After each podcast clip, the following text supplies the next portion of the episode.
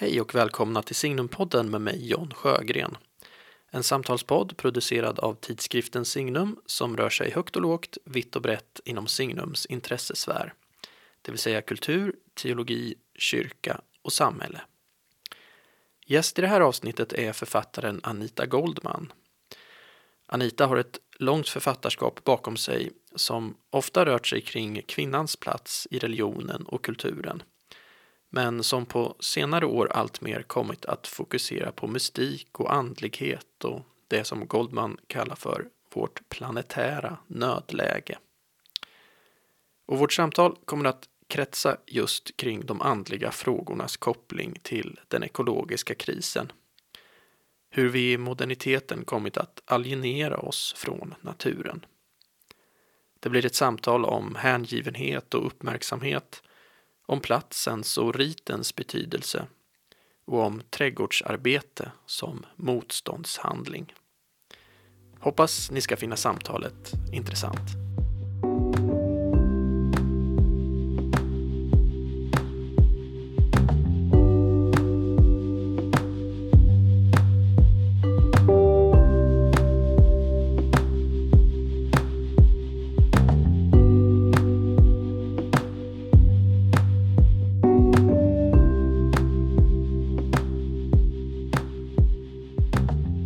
Välkommen till Signumpodden Anita Goldman. Tack så mycket.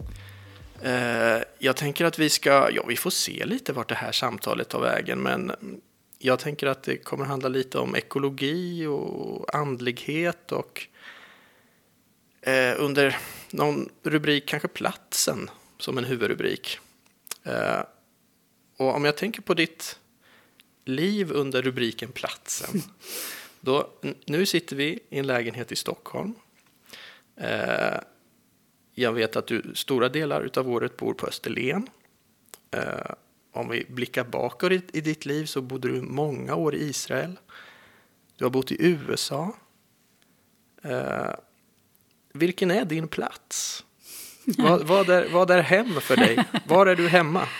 Ja, det är verkligen en bra fråga. Det är någonting som är... Det är liksom, jag tänker det är nog en lite smärtsam fråga också för mig. Att jag då vet inte du ens nämligen hur många hus jag har köpt och sålt.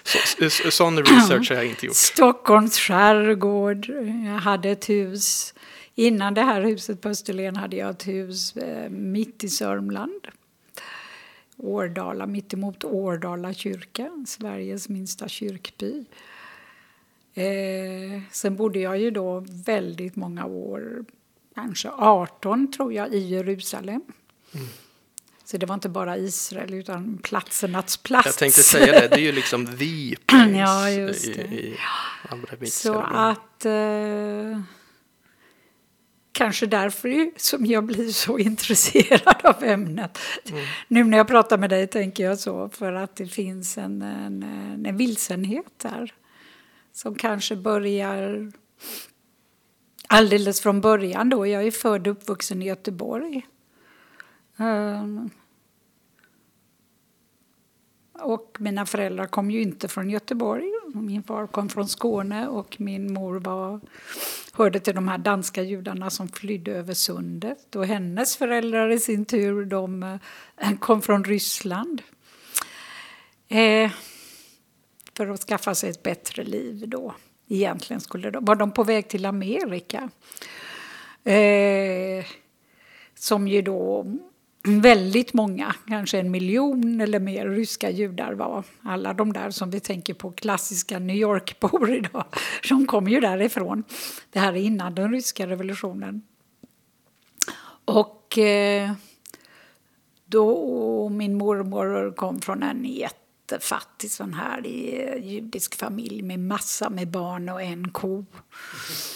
I, Ukra i Ukraina egentligen. och... Eh, då åkte min morfar först.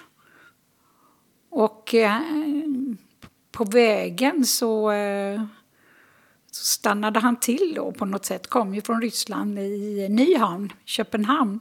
Och där såg jag några sådana här chassidiska judar som kom fram till honom och 100 procent talade de jiddisch med varandra och så sa de det här landet heter Danmark, det flyter av mjölk och honung, de är snälla mot judarna här.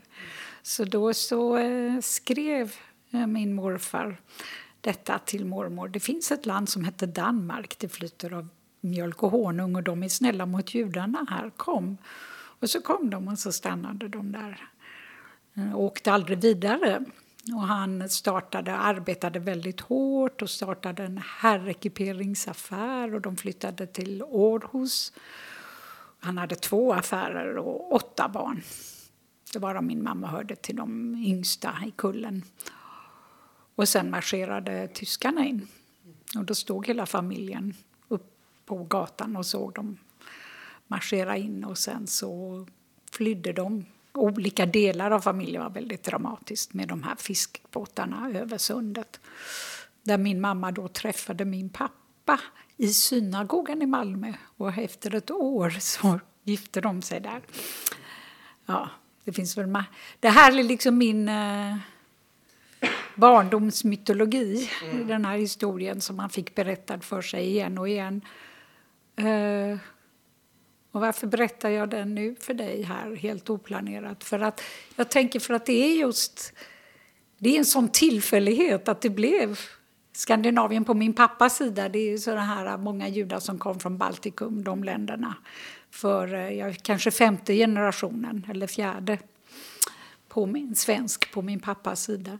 Men det är en sån, när man är uppvuxen med en sån tillfällighet mm. Och, eh, och, sedan då så var ju familjen då på båda sidor baserad i Malmö och Köpenhamn kan man säga. Och av ekonomiska anledningar eh, så åkte min pappa och mamma till Göteborg och var väldigt ensamma där egentligen. De enda i familjen, i släkten, som bodde i Göteborg. Så, och så var de väldigt urbana. så vi hade alltid hyreslägenheter min pappa samlade på konst och, och sånt där. Och, eh, det här med att man skulle ha real estate. vi tänker, vi kan ju skoja om det nu, om pappa bara hade satsat på det. Då hade läget sett grönare ut idag för oss än han samlade på såna här eh, ostindisk liksom porslin som är värt noll idag, men var väldigt ansett då. Ja. Så att, och de var ju jätteurbana och hyrde länge. Liksom. Vi hade alltid fina sommarlov. De hyrde på Säröbanan precis utanför Göteborg, jättenära stan egentligen. Och köpte jättesent när vi redan var tonåringar och inte var intresserade. En litet sommarställe som de sen sålde igen. Så det fanns, det var liksom alltid en känsla av att det egentligen inte finns en plats. Mm. Och att det man ska ta med sig. Man ska investera i sånt som man, även om inte det sades bokstavligen uttalade så, nu när jag tänker på det, så ska man investera i det som man kan ta med sig i en flykt, i en flytt. Det är också därför så många eh, judar har varit så, alltså i moderniteten varit så inställda på ehm, eh, att man ska ha en bra så sekulär, alltså världslig utbildning. Mm. För att den kan man ta med sig. Om man är läkare kan man vara läkare överallt. Mm. Eh, så att... Eh, ja, det sitter väl djupt i, ja. den, i den judiska erfarenheten också, ja. just av att eh, vara i diaspora så att säga. Och, eh, ja, någon slags hemlöshet tänker jag som, ja. som sitter i, i, i den och, kulturella identiteten. Ja, och sedan en, eh, just kanske inte alla judar, men just i min familj en, en uh, häpnadsväckande ytterligt förhållande till naturen skulle jag säga. Ja. Ja, det var liksom vackra klippor där på, på västkusten och, och men, men det, det, fanns ju aldrig... Jag minns när de äntligen köpte det där sommarstället. Jag har kvar några bilder. Det var några torra rhododendronbuskar om du förstår. Ja, och så var det liksom en grön gräsmatta som man skulle klippa då. Och, ja, sen var det ingenting. Kanske en vinbärsbuske, det minns jag inte. Men... Eh, och det, och det var ju det liksom... Mina mina vänner då, mina kristna vänner som man ska, så ska säga, i, de hade papper som liksom fiskade i Göteborg. De hade båtar, de kunde liksom utmana elementen ute på havet. Och, och, ja, och det var fisk och det var liksom trädgårdar och de hade mammor som hade vävstol hemma. Liksom. Det var... Jag, jag tror att jag tidigt kände att det där, det finns inte. Det finns den här, som jag nu kan se, jättevackra konsten eh, i hemmet. Min pappa var då eh, hans, hans mamma, alltså min farmor, är syster till Isak Grünewald. Så det är verkligen vacker konst. i, i, eh, men det, det, det var... Eh, och som jag sedan... Eh, Sen blev det en lång... Så, ja, oj, vilket långt svar det här blev. Men det, jag tror det har med saken att göra. Det var en stor fråga också. Det var en stor fråga. Sen så, så att när jag eh, gifte mig och slog mig ner i, på en plats som var liksom larger than life, nämligen Johannes döparens födelseby, eh, en karm i utkanten av Jerusalem, eh, mittemot visitationskyrkan som ju du förstår vad det är, men kanske inte lyssnarna. Det är alltså där Maria eh, kommer när ängeln Gabriel har gett henne, vad kallar ni det? Annon, eh, ja, det finns ett annunciation, heter det så? Nej? Ja, precis. Vad, vad heter det på svenska? Eh, bebådelsen. Bebådelsen, jag letar efter. Och då så säger jag ängeln Gabriel att det finns din kusin i Judeens bergsbud. Hon är också med barn, alltså de var ju gammal. Och, och då så, eh, för allting är möjligt för Herren, och då så går hon. Under alla år tänkte jag, liksom, var hon ensam kvinna? Gick hon ensam? Det står att hon går hastigt också, hon går hastigt. fort. Hon, hon, gick i hast, står det. I hast. Ja, och då möttes i alla fall precis mitt emot var jag levde under så många år. Och där är det ju en kyrka, jättevacker. Och så står den här eh, eh, lovprisningen på 45 språk, också på svenska. Ja, mm. Min själ lovprisar Herren. Mm. Så, eh, Hur kommer det sig att du hamnade just, eh, just där? Det är för den mannen som jag gifte mig med och som är mina barns far och som jag sedermera skilde mig ifrån. Han eh, hade köpt ett hus där. Det, var, eh, det fanns många kyrkor. Det fanns ju också, det är också i samma by, Johannes döparens födelsekyrka också visitationskyrkan och så olika kristna institutioner, eh, kloster och, och det var den stor, kändaste institutionen för att hjälpa svårt handikappade barn. Vi brukade lite skämta, om man nu får göra det med sånt, att här var judar och araber, levde de i fred, i frid och fred på den institutionen, de här barnen. Och sedan efter eh, 1967, det kriget, så började lite hippa... Det var lite slum där, så det började lite hippa människor att upptäcka att det där var ju vackert och quality of life, och han var en av dem. Så då blev det väldigt mycket från det här liksom en borgerlig lägenhet i Göteborg som aldrig var ny. Och på den tiden var det inte så många som ägde sina lägenheter men som var liksom hyrd och sånt. Så hade jag plötsligt en plats som var en megaplats. Det var en plats som, det var väldigt lätt att ha gäster där, det var urvackert. För det var så stort för dem att bara sitta på terrassen och sen sa vi ska vi gå upp till kyrkan. Man gjorde samma grej med alla gästerna så ska vi titta ut över, över Judeens bergsbygd här och så gjorde man det och sen gick man hem och åt god mat. Det var ju... Just det. Och, och, och sen också som är liksom själva centrumet för ja, alla dessa ja, abrahamitiska ja, religioner. Precis. Det är ju på något var, sätt världens centrum för många människor. Ja, precis. Och sedan så var det då en stor trädgård i det huset. Och det var min första kontakt då med, ehm, med jord och trädgårdsarbete. Ja. Och jag blev med en gång helt såld. Ja, intressant, för det var det jag tänkte var min ja. nästa fråga. När började det? Ja, Men började där i Jerusalem? Det började där. Och då mm -hmm. fanns det en bok på engelska som hette The Israeli Garden Encyclopedia. Det var en sån här äldre gentleman. Och det var ju väldigt roligt, tacknämligt där, för det var ju liksom eh, odlingsåret är ju hela året där. Vad kan man plantera som ska liksom blomma i februari och vad? Sommaren däremot är problem. Så skulle man sätta små sticklingar på sommaren så fick man ha såna små yoghurt, eh, du vet, grejer för annars så brändes de ju ihjäl under dagtid. Man fick ju hålla på. Och, eh, och, så, och så vattnet som är så dyrt där och min man då, han brukade ju skoja om att de här rädisorna, de var de dyraste han hade ätit i sitt liv. Jag hade ju vattnat och vattnat och vattnat. Och det, det blev en enormt, det var som ett en, en, en uppvaknande eller frälsningen. Alltså det här mötet både med naturen där, det här, mm. där ser det ut så som folk hoppas eller tror i sina romantiska fantasier att det ska se ut i den heliga staden och så gör det inte det. Och så mm. drabbas de av Jerusalem-syndromet och blir lite galna som jag har skrivit om i min bok. Men, men, men där är det ju sådär terrasserade berg, alltså eh, dalgång. Som man ser framför sig. Olivträd mm. och, och, och, och, i februari då mandelträden blommar och kyrkorna och, och alla människor från tre religioner som bland, alltså det är ju precis så så att det var ju både platsen så som var så stark och, och sedan så var det ju liksom det här odlandet och dessutom födde jag två barn där så det var mm. mycket mm.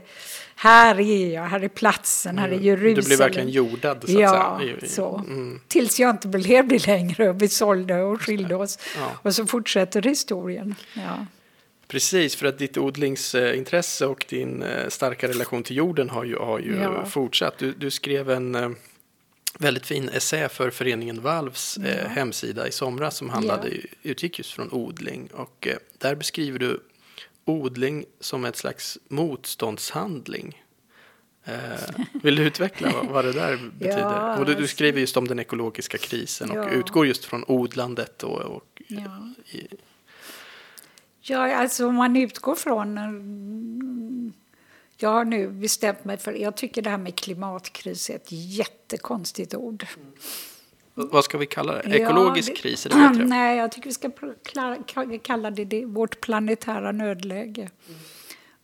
Det är ett ganska obehagligt ord, för klimatkris, vad betyder det? Liksom, klimat. Det är väl någonting som vi alltid har haft. Och kriser, det är någonting som vi kan lösa. Jaha, vi har en kris, hur ska vi lösa den?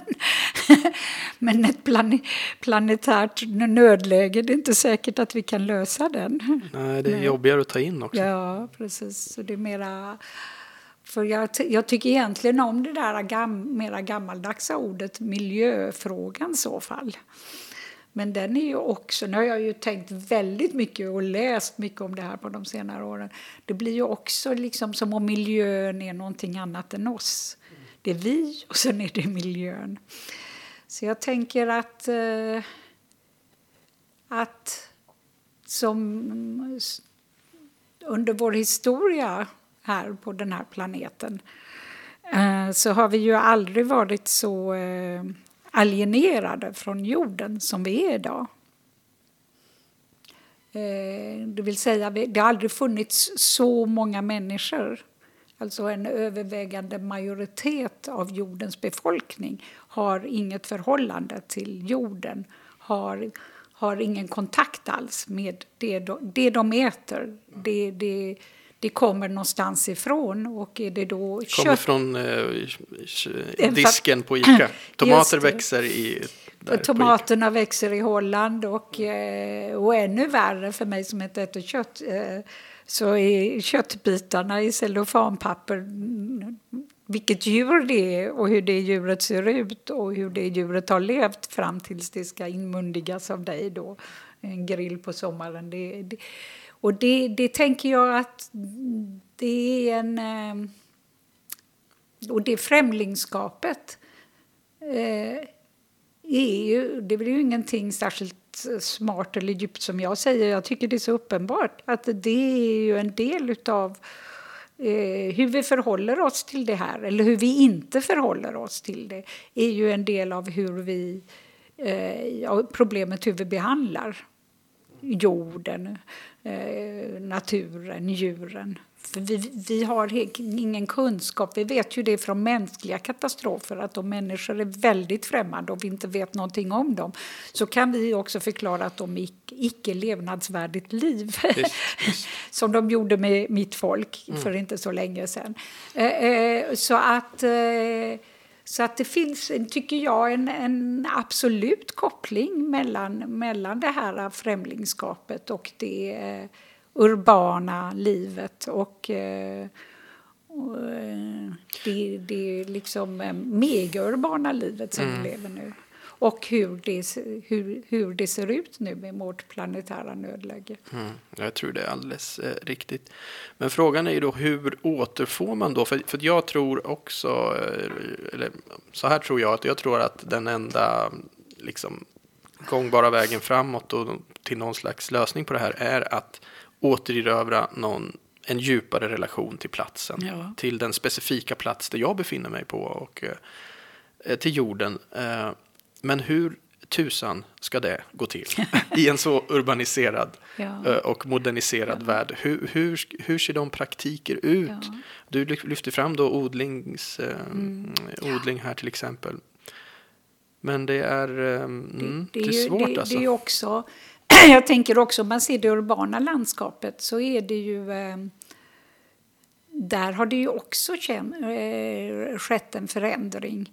Så förr så levde folk, eh, jag kan till och med minnas det från min barndom, det fanns bakgårdar. Jag kom när de kom de här, eh, tanterna drog ner sina eh, mattor de här hemska mattställningarna, jag minns det här ljudet. Och sedan så eh, fanns det såna här gubbar, jag växte upp i Göteborg, det var såna här gubbar som kom och spelade liksom eh, dragspel eller så. Och man kastade pengar och man lekte på gården. Och det fanns granntanter. Nu växte inte jag upp så mycket såna men jag tänker mig i, framförallt då i lägre klassområden så fanns det en, en, även i städerna en slags stadskultur vad man tog hand om varandra. Jag älskar att titta på såna brittiska serier. Midwives from East End. 60-talet i England med så fattigt och så förtryckt så det finns ingenting att romantisera om egentligen om det där. Men och de här eh, hemförlossningarna som de här nunnorna går till. Det är nunnor också. Den här.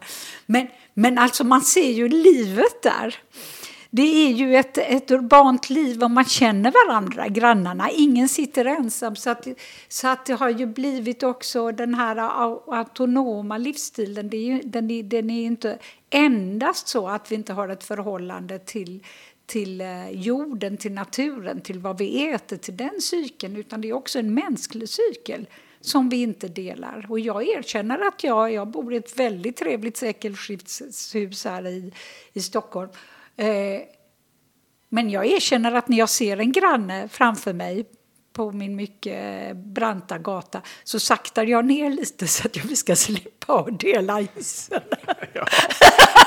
Du... Jag tänker hon kan få åka för... Ja, nu är det här en väldigt, som du kanske märkte när du åkte upp, en, en väldigt liten hiss. Väldigt liten säker. Så att det är min ursäkt. Men du förstår vad jag menar. Ja, men det, alla känner igen sig i det där alla tror jag. Det, det, var, det, det går inte att komma ifrån. Vi är ja. moderna människor, ja. så är det. Även så om jag... vi kan se baksidan med det så är, är, vi fast i det. Och det är ju liksom, och, och sedan till det här att vi sitter nu äh, att vi, vi, även när vi är ute i den offentliga, den offentliga platsen som vi då delar med en massa andra människor så är vi eh, instängda nu med våra lurar i, i vår egen värld som kan handla om någonting jag kan lyssna på... kanske lyssna på den här podden. Ja, just det.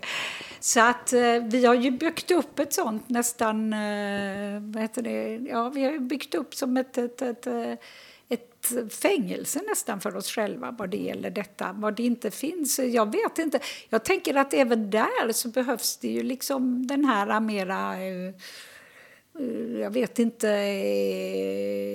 Eh, kvartersråd och husråd och ett sådant mera humant sätt. Att, jag menar om en, en, en, en småbarnsmamma har ett sjukt barn och måste gå ner och handla hon kanske inte har någon granne hon kan med och ringa på dörren och säga kan du passa henne nu, jag ska bara gå ner och köpa lite mjölk till min dotter. Mm. De flesta kanske inte ens har det. Nej, och, det och, och det... om man har det så, så, sitter det väldigt långt inne att be om den hjälpen. Ja. För att vi har inte riktigt den kulturen med den typen Nej. av gemenskaper. Utan... Och det är ju väldigt, det är ju oerhört eh, det man, många säger svensk kultur, men jag lever ju en del av, och jag har en dotter med barnbarn nu som lever i Israel och det är inte så himla varmt och vänskapligt där heller längre. Det är en modern kultur kanske Ja, man det är en modern kultur. Ja. Så det är ju modernitetens eh, enorma, eh, den, den mörka sidan av moderniteten. Att vi har fått den här, uh, vi har tillskansat oss och arbetat på att få den, att erhålla, att skapa den här friheten att få vara var vi vill och vem vi vill och hur, nästan hur vi vill Ja. så länge vi inte riktigt skadar andra människor. Och, och, och det är ju en, en ju under godo. Liksom. århundraden lång Ja. kamp Ja. för våran autonoma liksom, eh, människovärdighet. Men nu, nu så ser vi ju den enorma liksom, eh, slagsidan på den här. Den är groteska ensamheten, den groteska eh, psykiska illamåendet. Och, eh, och allt det här är jag ju övertygad om hänger ihop med vårt förhållande till själva detta, till våran plats planeten. Att, vi, inte, att vi är helt vi inte har ett förhållande alls till den platsen, till, till den här blåa vackra planeten som, är, som Nej. vi är satta att leva på. Det är intressant att du säger just vackra planeten. För du, du lyfter upp eh, i den här essän också Ja. att för det finns ju en väldigt stark då som man kallar för klimatrörelsen. Eh, vi tänker på Greta Thunberg. Mm. Eh, beundransvärd på jättemånga sätt. Men du tar upp just där ett, så man kan se ett problem då i den Mm. rörelsen. Du tar ett exempel med hennes sommarprogram. Ja. Och, och då hon re, reste genom USA var det Ja, hon berättar. det. Och att hon aldrig någonsin stannade upp och reflekterade över skönheten i landskapet. Nej. Och det har jag också tänkt på med, med klimatrörelsen att det är ju ofta sprunget ur en vrede och ångest framför allt. Fullt förståeligt, såklart. Men jag tror ju mer på det här, alltså det som kanske verkligen kommer rädda oss att säga. Det är nog snarare att få alltså skönheten. Att vi får upp ögonen för det sköna i skapelsen. Eh, och det är en annan typ av rörelse tror jag som vi måste Jag åt. tror inte egentligen att den är så eh, skild. Men, men det är ju också, jag har ju läst en del om, om skönheten och jag håller på, hållit på nu i flera år med någon stor bok om vårt, vill säga västerländska människan tänker jag, alltså förhållande till naturen. Och, och, och, och det är ju jätteintressant, precis som du säger, med skönheten. Alltså liksom för hundra år sedan så kunde man ju skriva essäer och ha debattkvällar om skönheten. Och det är ju så mossigt idag så att, liksom, vad pratar du om nu?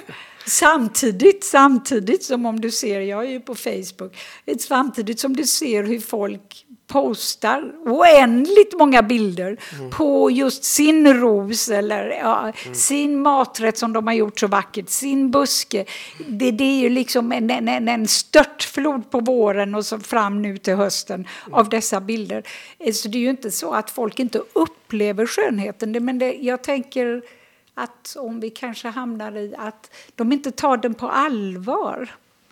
Och att det finns en, en slags... ehm, ja... Att vi inte, tar, vi inte ser, då kommer vi in liksom, säga på det andliga, det teologiska, att vi inte ser det som en gåva. Som någonting som vi har blivit givna.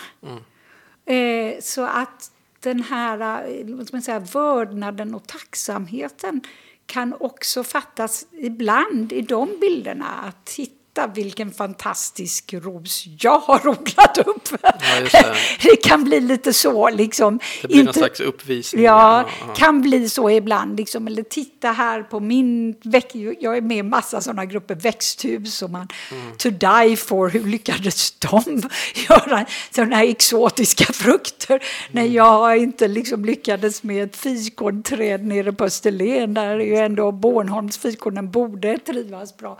Ja, sådana grejer. Ja, men du, du skriver där om, just det, utifrån odlingsarbetet också, att Alltså det det handlar om, det är, skö- det är skönheten i det sköna, men också hängivenheten Ja. som en nyckel. Och det där Ja. har ju gått igenom, du har skrivit det om, jag tycker det anknyter till saker tidigare i ditt författarskap. Ja. Till exempel du skriver om gudsälskarinnor och, och eh, kvinnliga mystiker och Ja. sådär. Just hängivenheten som en nyckel.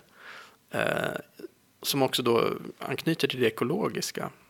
Eh, vad har det begreppet betytt för dig? Eh, Mary Oliver, hon eh, skriver, Mary Oliver, den amerikanska eh, poeten som är, blev otroligt folkkär, kanske den folkkäraste poeten. Hon dog här om, för några år sedan. Hon är en sån där som Hollywoodstjärnor gillar, hon är så tillgänglig.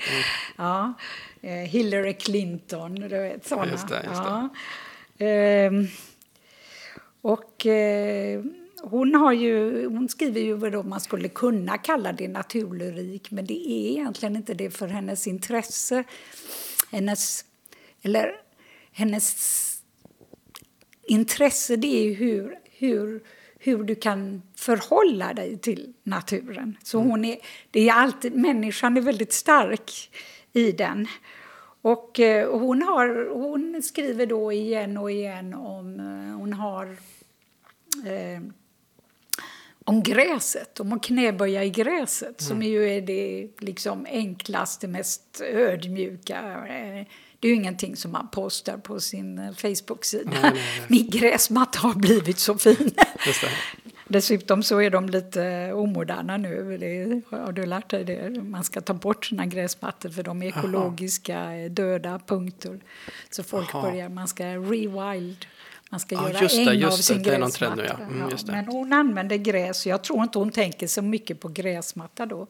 Och hon gör det kanske medvetet eller inte eh, medvetet. Jag tror hon är ganska medveten om det för hon älskade honom. Den stora eh, amerikanska poeten Walt Whitman, Leaves of Grass. Mm. Ja. Så det är liksom... Eh, och då skriver hon så här. Eh, I don't know exactly what prayer is.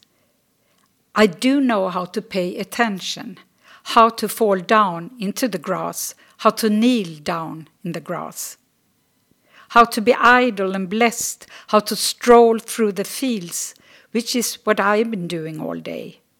Tell me, what else should I have done? Doesn't everything die at last and too soon? Tell me, what is your plan to do with your one wild and precious life?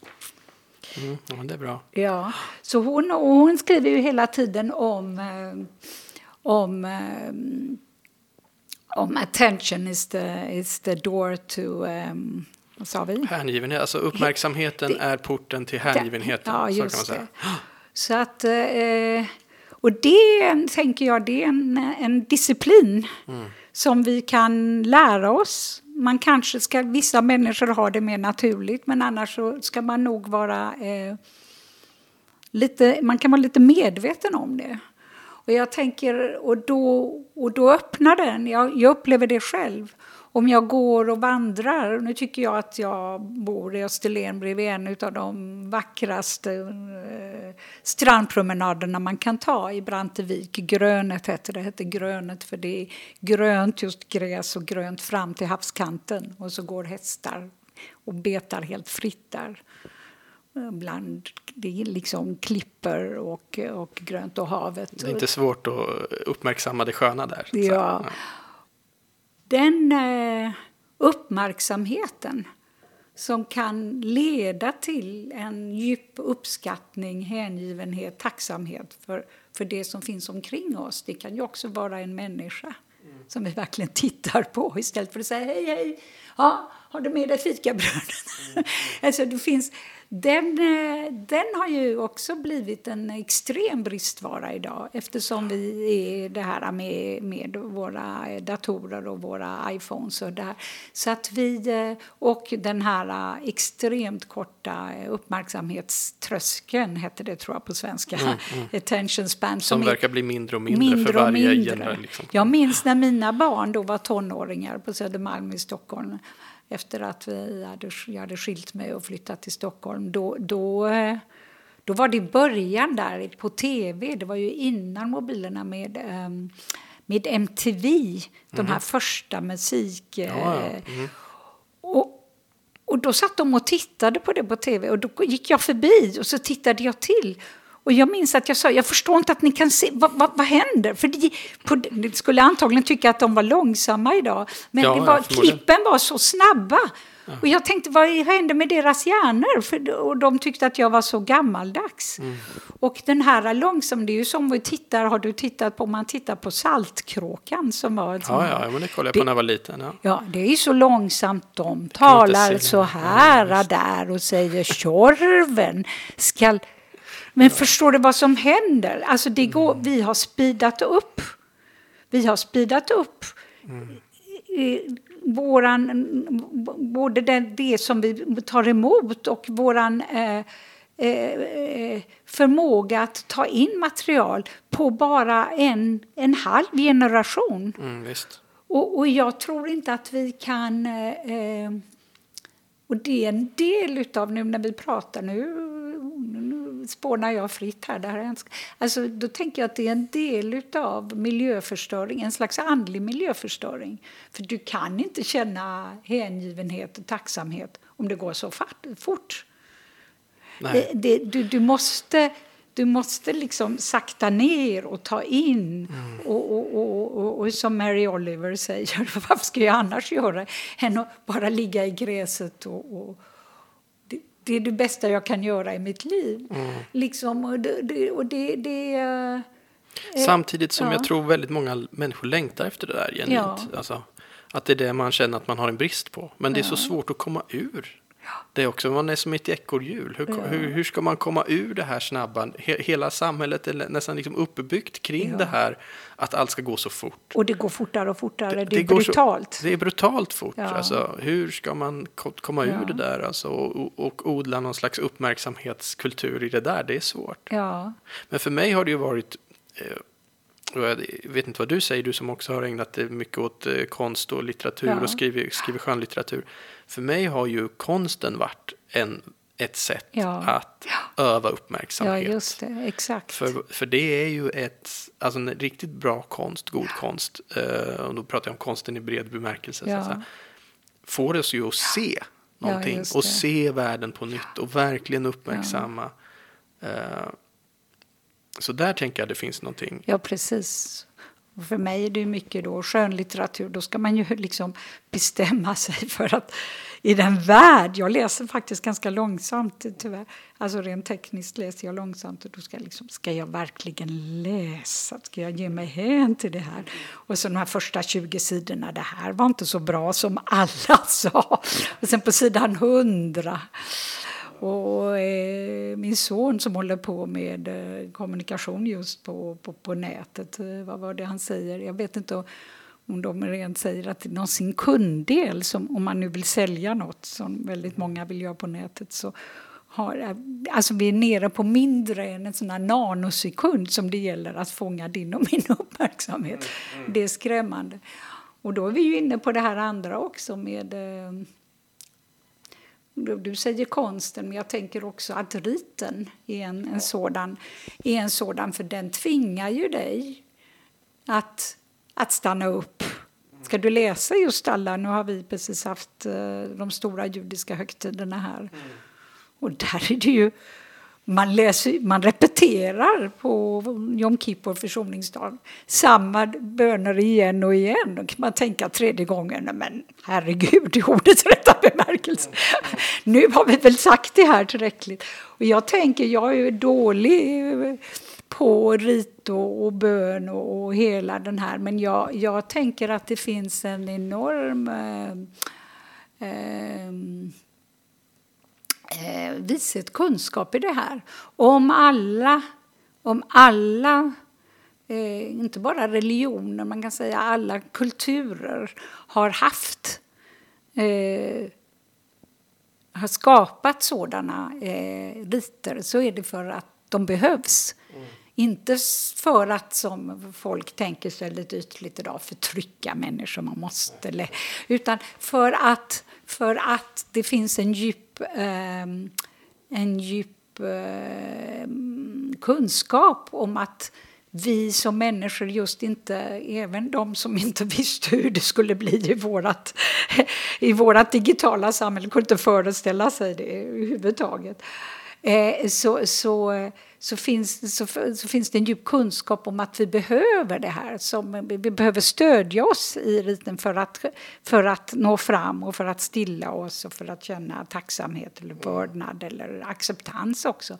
och, och, och, och, och eh, så att, och det är liksom verktyg som har utvecklats och som vi har slängt ut då.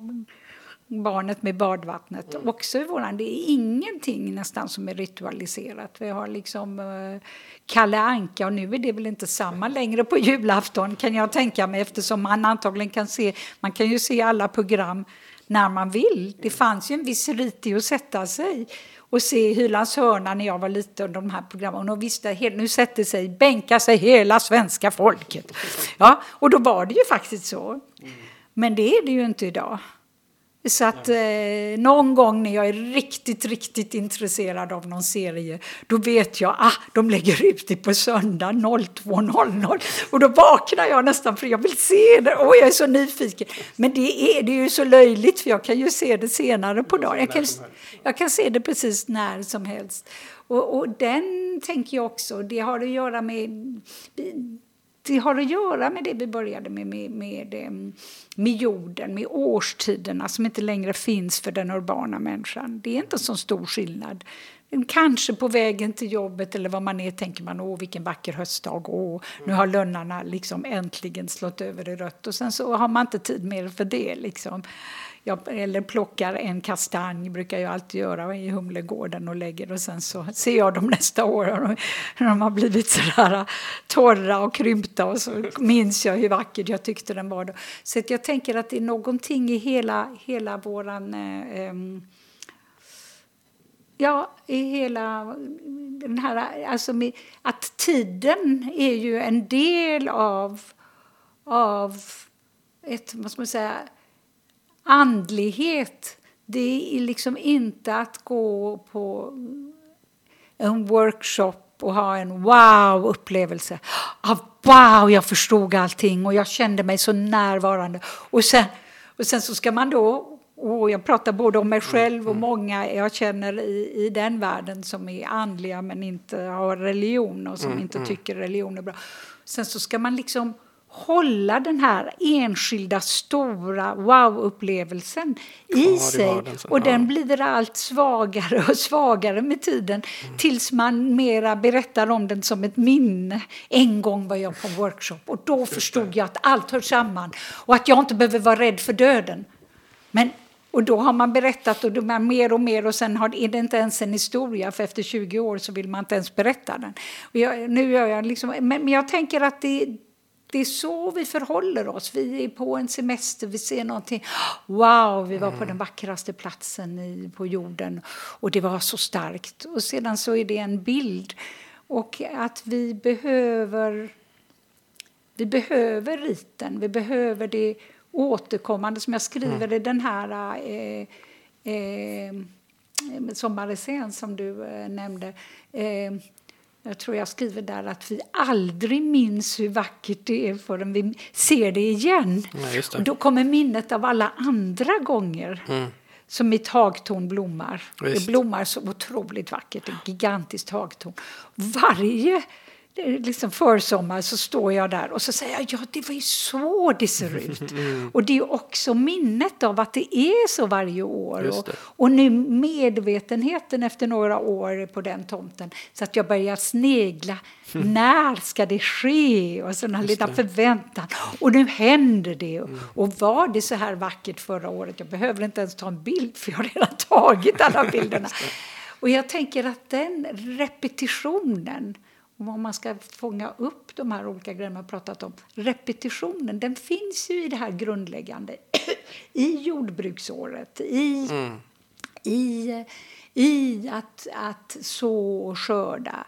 Liksom, och, och, och, Och nu när vi är så förfrämligande för det och vi kan äta liksom avokado och tomater och allting hela året. Vi kan äta mm. all frukt och grönsaker hela året. Så var det ju faktiskt inte när, när jag var liten. Nej. Jag kommer ihåg när vi, min moster Israel som bodde på en sån här morsav jordbruks, eh, kollektivt jordbruk skickade med Simline som då var det statliga eh, fartygs... Vad heter det? Fartygsbolag ja, i Israel en låda med Jaffa-apelsiner. Kan du, alltså det här låter ju som, förstår du, så en stor skillnad är det inte i ålder mellan dig och mig. Förstår det här låter ju som stenålder. Ja, och vi så. kom och vi tog ut den och vi, och vi gav till, och vi visade våra grannar. Och det här var apelsiner direkt från landet Israel som dessutom var stolta över då. Det var ingen som höjde på ögonbrynen på den tiden. Det var liksom fint att ha det här. Och, och, det är ju någonting. Och Israel är det ju fortfarande så eftersom de har så, så mycket egenjordbruk att man äter apelsiner på vintern. Man äter inte apelsiner på sommaren. Nej. Nej. Och man äter eh, vattenmeloner på sommaren, liksom, eller slutet på sommaren. Det, det, det, det, och vi har förlorat all kontakt även på det sättet. Vi har ingen... Vi har ingen eh, så att jag tänker att det blir svårt med det med riten, med religionen. För, alltså att det hänger ihop, främlingskapet till, till, till jorden, till växandet, till cyklerna med den här inre cykeln som man kan få genom att, att delta i en, i en rit, en religion, i ett böneår. Det, mm. de, det är svårare att det är svårare att, att ingå i det när vi inte är grundade i någonting. Nej. När vi är så och, och platslösa som precis, vi är. Och riten hjälper oss också att få syn på det där. Ja. Och få syn på, på um, naturen och, och, och tillvaron ja, Kanske skulle katolska kyrkan där i Eugenia eh, arbeta för att vi skulle ha jordling, odlingslotter i Kungsträdgården ja, istället för de här stela eh, planteringarna. Ja, varför inte? Ja, låter, låter jag klokt, tror just det att de varje, ibland du frågade innan en sån här enkel fråga, hur ska vi göra? Jag tänker om, om på skolgårdarna om varje barn fick en liten odlingslåda. Ja det, det, är inte så mycket, men det är någonting. Nej, men det är någonting, för då får man också, eh, då ser man just den eh, odlingslotten ja. också, just den saken. För jag tror att ett stort problem idag är också att allt har blivit så stort och abstrakt. Alltså vi har abstraherat det till liksom naturen. Ja. Men det blir alldeles för ja. abstrakt och svårt att ta in. Man måste vara uppmärksam och hängiven till just det där trädet. Ja. Det där är mitt träd. Det här är min odlingslott. Det, jag älskar och, och, och, tar hand om och, och vårdar just, just, den här lilla plätten som är min plätt på jorden. Precis. Och ur den liksom kärleken till det partikulära, det särskilda så öppnar sig en kärlek till, till alltet, till alltihop. Ja. Men det kan inte börja i, det är precis som att man inte kan älska mänskligheten. Nej, man kan bara älska människor. Och det är så farligt, de som älskar mänskligheten, ja. de brukar bli väldigt... Eller det brukar... vill någonting, om man överhuvudtaget vill någonting för mänskligheten. Rädda dem, ja. Eh, frälsa dem. Det brukar sluta med högar med lik faktiskt. Ja, det är precis, mm. exakt. Ja, precis. Jag tänker också så att, att, att den förlusten av plats och att det därför blir, när vi ska ta ansvar då, eh, som ju liksom Greta så vackert gör för hela den globala liksom, nödläget så blir det väldigt tungt och till slut mm. väldigt abstrakt. Mm. Eh, utan, vad är det vi ska rädda? Ja, vad är det mm. vi ska rädda? Utan då måste det, och jag tänker att då, om det finns i, i, eh, och nu lyssnar jag ju på en del sådana amerikanska, nordamerikanska eh, poddar kring andlighet och ekologi och allt det här. Och väldigt många av de människorna är ju engagerade just i, i till exempel trädgårdsarbete och mm. communal gardens och sånt där. Liksom i, eh, i i sådana här fattigkvarter att man kommer samman kring växandet och sen så blir det en annan, ja, så blir det en, en, en, en känsla av att man är ansvarig och sen så utvecklar det sig vidare till ett större ansvar. Och, och, eh, ja, det är ju, ja. men jag, är lite intresserad också hur det här eh, ekologiska eh, intresset som du har, hur det hänger ihop med ett annat spår i ditt eh, författarskap och yrkesliv. För du har ju skrivit väldigt mycket om, om kvinnor, kvinnors situation, ja. om våra bibliska mödrar och så vidare. Eh, kvinnor inom, i Bibeln och i religionen och i kulturen. Eh, hur hör det ihop för dig med det ekologiska? Jag vet att du skriver i förordet till den här boken som heter eh, Guds älskarinnor. Precis. Så bra namn! Den är väldigt bra. Jag har precis ja. skrivit en del om, om Eros och kyrkan här. Ja, i en, det var roligt. Ja, ja. Så att jag, det där till perfekt att läsa, läsa i den här innan. Men du skriver där att eh, gudssyn, kvinnosyn och natursyn är länkade i det moderna projektet. Man skulle kanske lite förenklat och drastiskt kunna säga att Gud, kvinnorna och naturen var de som måste maka på sig när moderniteten rusade fram på utvecklingsoptimismens skenande räls. Eh, Skrev jag så bra? ja, så, så fint står det här. Nej, men det där är intressant för jag har nog aldrig riktigt tänkt på hur det ekologiska så här, skulle hänga ihop med eh, Eh, med det spåret. Så. Men hur, hur, hur tänker du? Ja, där? alltså det är ju liksom att, att um, om, vi, om vi går från en organisk syn på skapelsen till en oorganisk. Och där är väl det här uh, som du och jag är väl intresserade av. Det finns en slags i det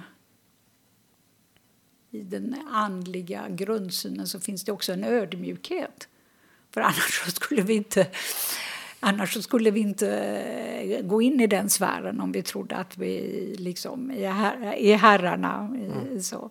så att... Eh, och, och, och nu, nu, eftersom jag läser så mycket nu om, om vårt planetära nödläge och alla idéerna nu om regenerativt eh, jordbruk. Och nu har jag de senaste veckorna läst om rewilding, återförvildandet av naturen som är nödvändig också. Ehm, så är, allting handlar om att vi ska lära av naturen. Vi ska lära av naturen. Vi ska inte tringa in i naturen, vi ska inte bemäktiga oss naturen. Naturen vet bäst själv och så ska vi följa och då så kommer vi att lära oss hur vi kan leva i och med naturen. Mm. Så det, och det är ju ett slags det är ett ödmjukande. Det är ju liksom ett avsteg nu som vi måste göra från en lång, lång ordning mm. där vi har eh, eh, kanske under de senaste 250 åren bemäktigat oss naturen. Just. Och då är det ju inte en tillfällighet att det är just under de 250 sista åren som det sekulära synsättet har växt fram ja, allt starkare. Det, det, det hänger ihop liksom ihop såklart. Ja, så det... Och, kvinn, och då förhållandet till kvinnan och kvinnan. Nu vet man att ja, när kvinnorna föder, de vet själva bäst. Kroppen vet bäst. Det mm. börjar även i, i medicinen vissa delar bli sån här, liksom, mm. den här kunskapen. Så att, eh, ja. Jag tänker, eh, jag kanske eh, en avslutande, avrundande fråga här. Och vi har många spår här som jag tror vi kunde ja. samtala hur länge som helst Jag svarade inte riktigt på det här med Nej, kvinnorna, för det är en, som en slags är, föreläsning, det blir så långt. Jag förstår, ja. och det är ett helt eget spår kan man säga. Alltså, kanske, eller, det, eller inte. det, det, det är ett helt eget samtal ja, kanske. Ja, ja. Nej, men om vi säger då så här att vi måste, som du säger, vi måste göra ett avsteg från den här utvecklingen. Och det låter stort och svårt. Vad, eh, och samtidigt har vi pratat om det här på en individuell nivå också, ja. om uppmärksamhet och så vidare. Vad, något konkret liksom avslutningsvis, vad kan man göra för att öva upp det här då? För att liksom se, öva sitt seende, öva sin uppmärksamhet känner jag ju mig eh, utsatt och bortskämd om jag har ett eh, vackert hus med stor trädgård på Österlen. Det, ja. det, nu har jag i och för sig skaffat det, men liksom sett till att jag har en sån... Eh, jag, jag, har inga... Eh, jag har inga, liksom, jag har inte heller någon lust, känner inte att jag är, att, att ha en eh, Eh, liksom en slags plan eller vad ska jag säga, ett program för, för, för mänskligheten.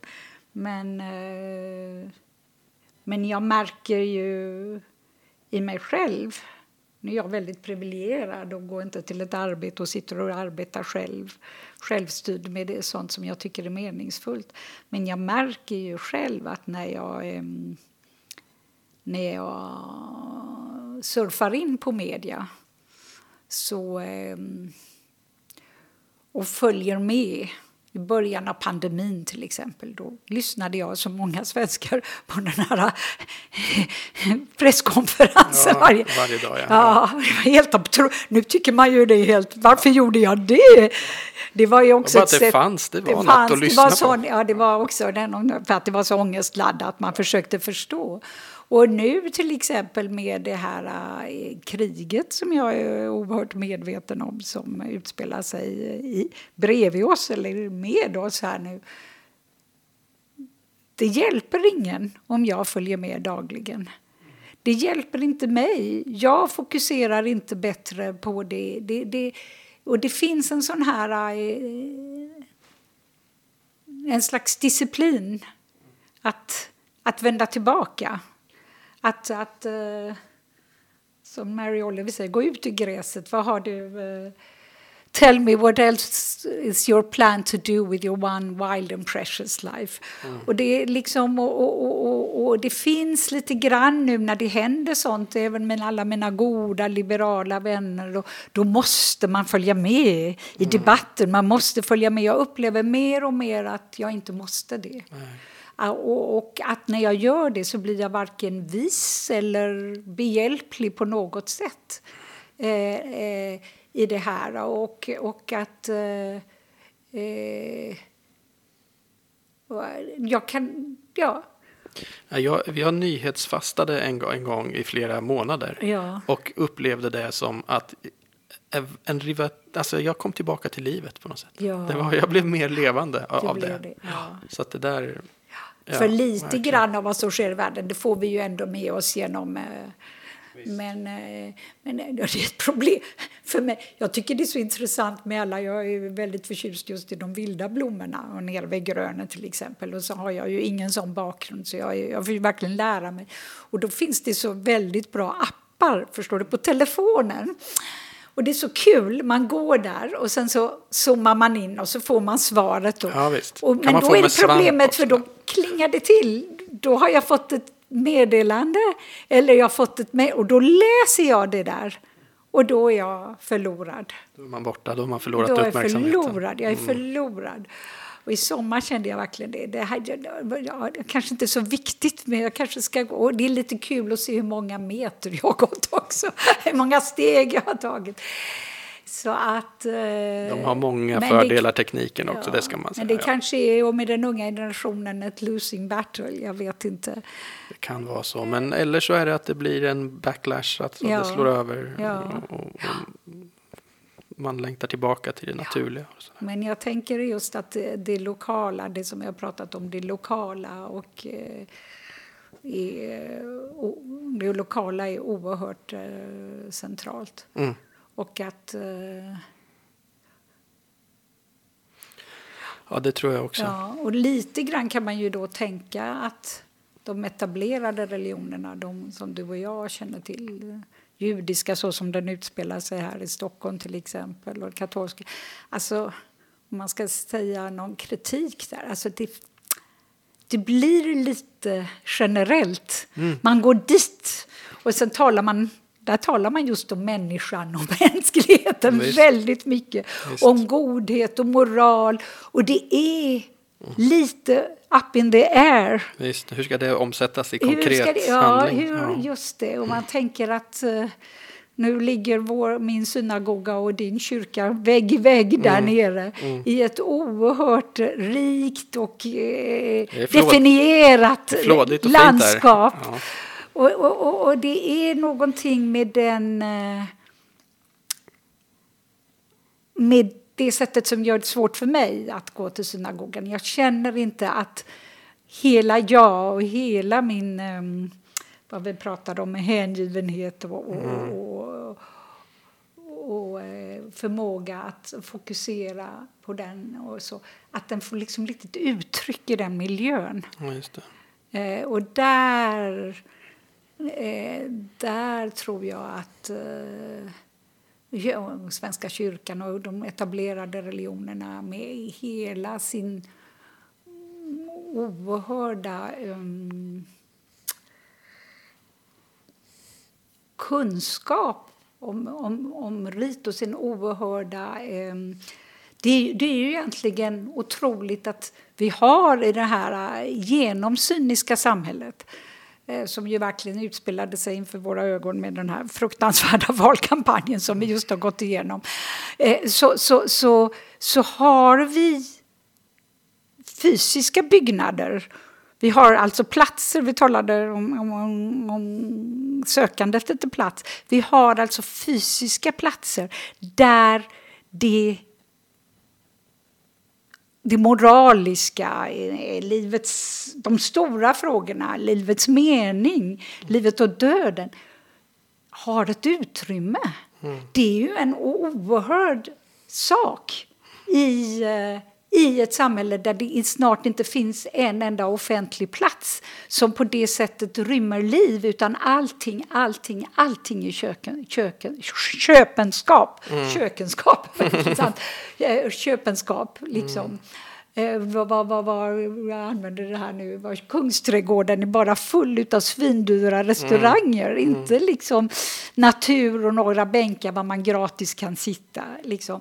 Eh, och att verkligen en uppmaning, tänker jag, till en, ett uppdrag nu för religionerna, för mm. de etablerade religionerna som har de här fantastiska platserna och som har pengar och som har organisationer och som människor som kommer dit för att, för, för att de söker. Eh, att att öppna upp det här, att göra de platserna mer till livliga platser.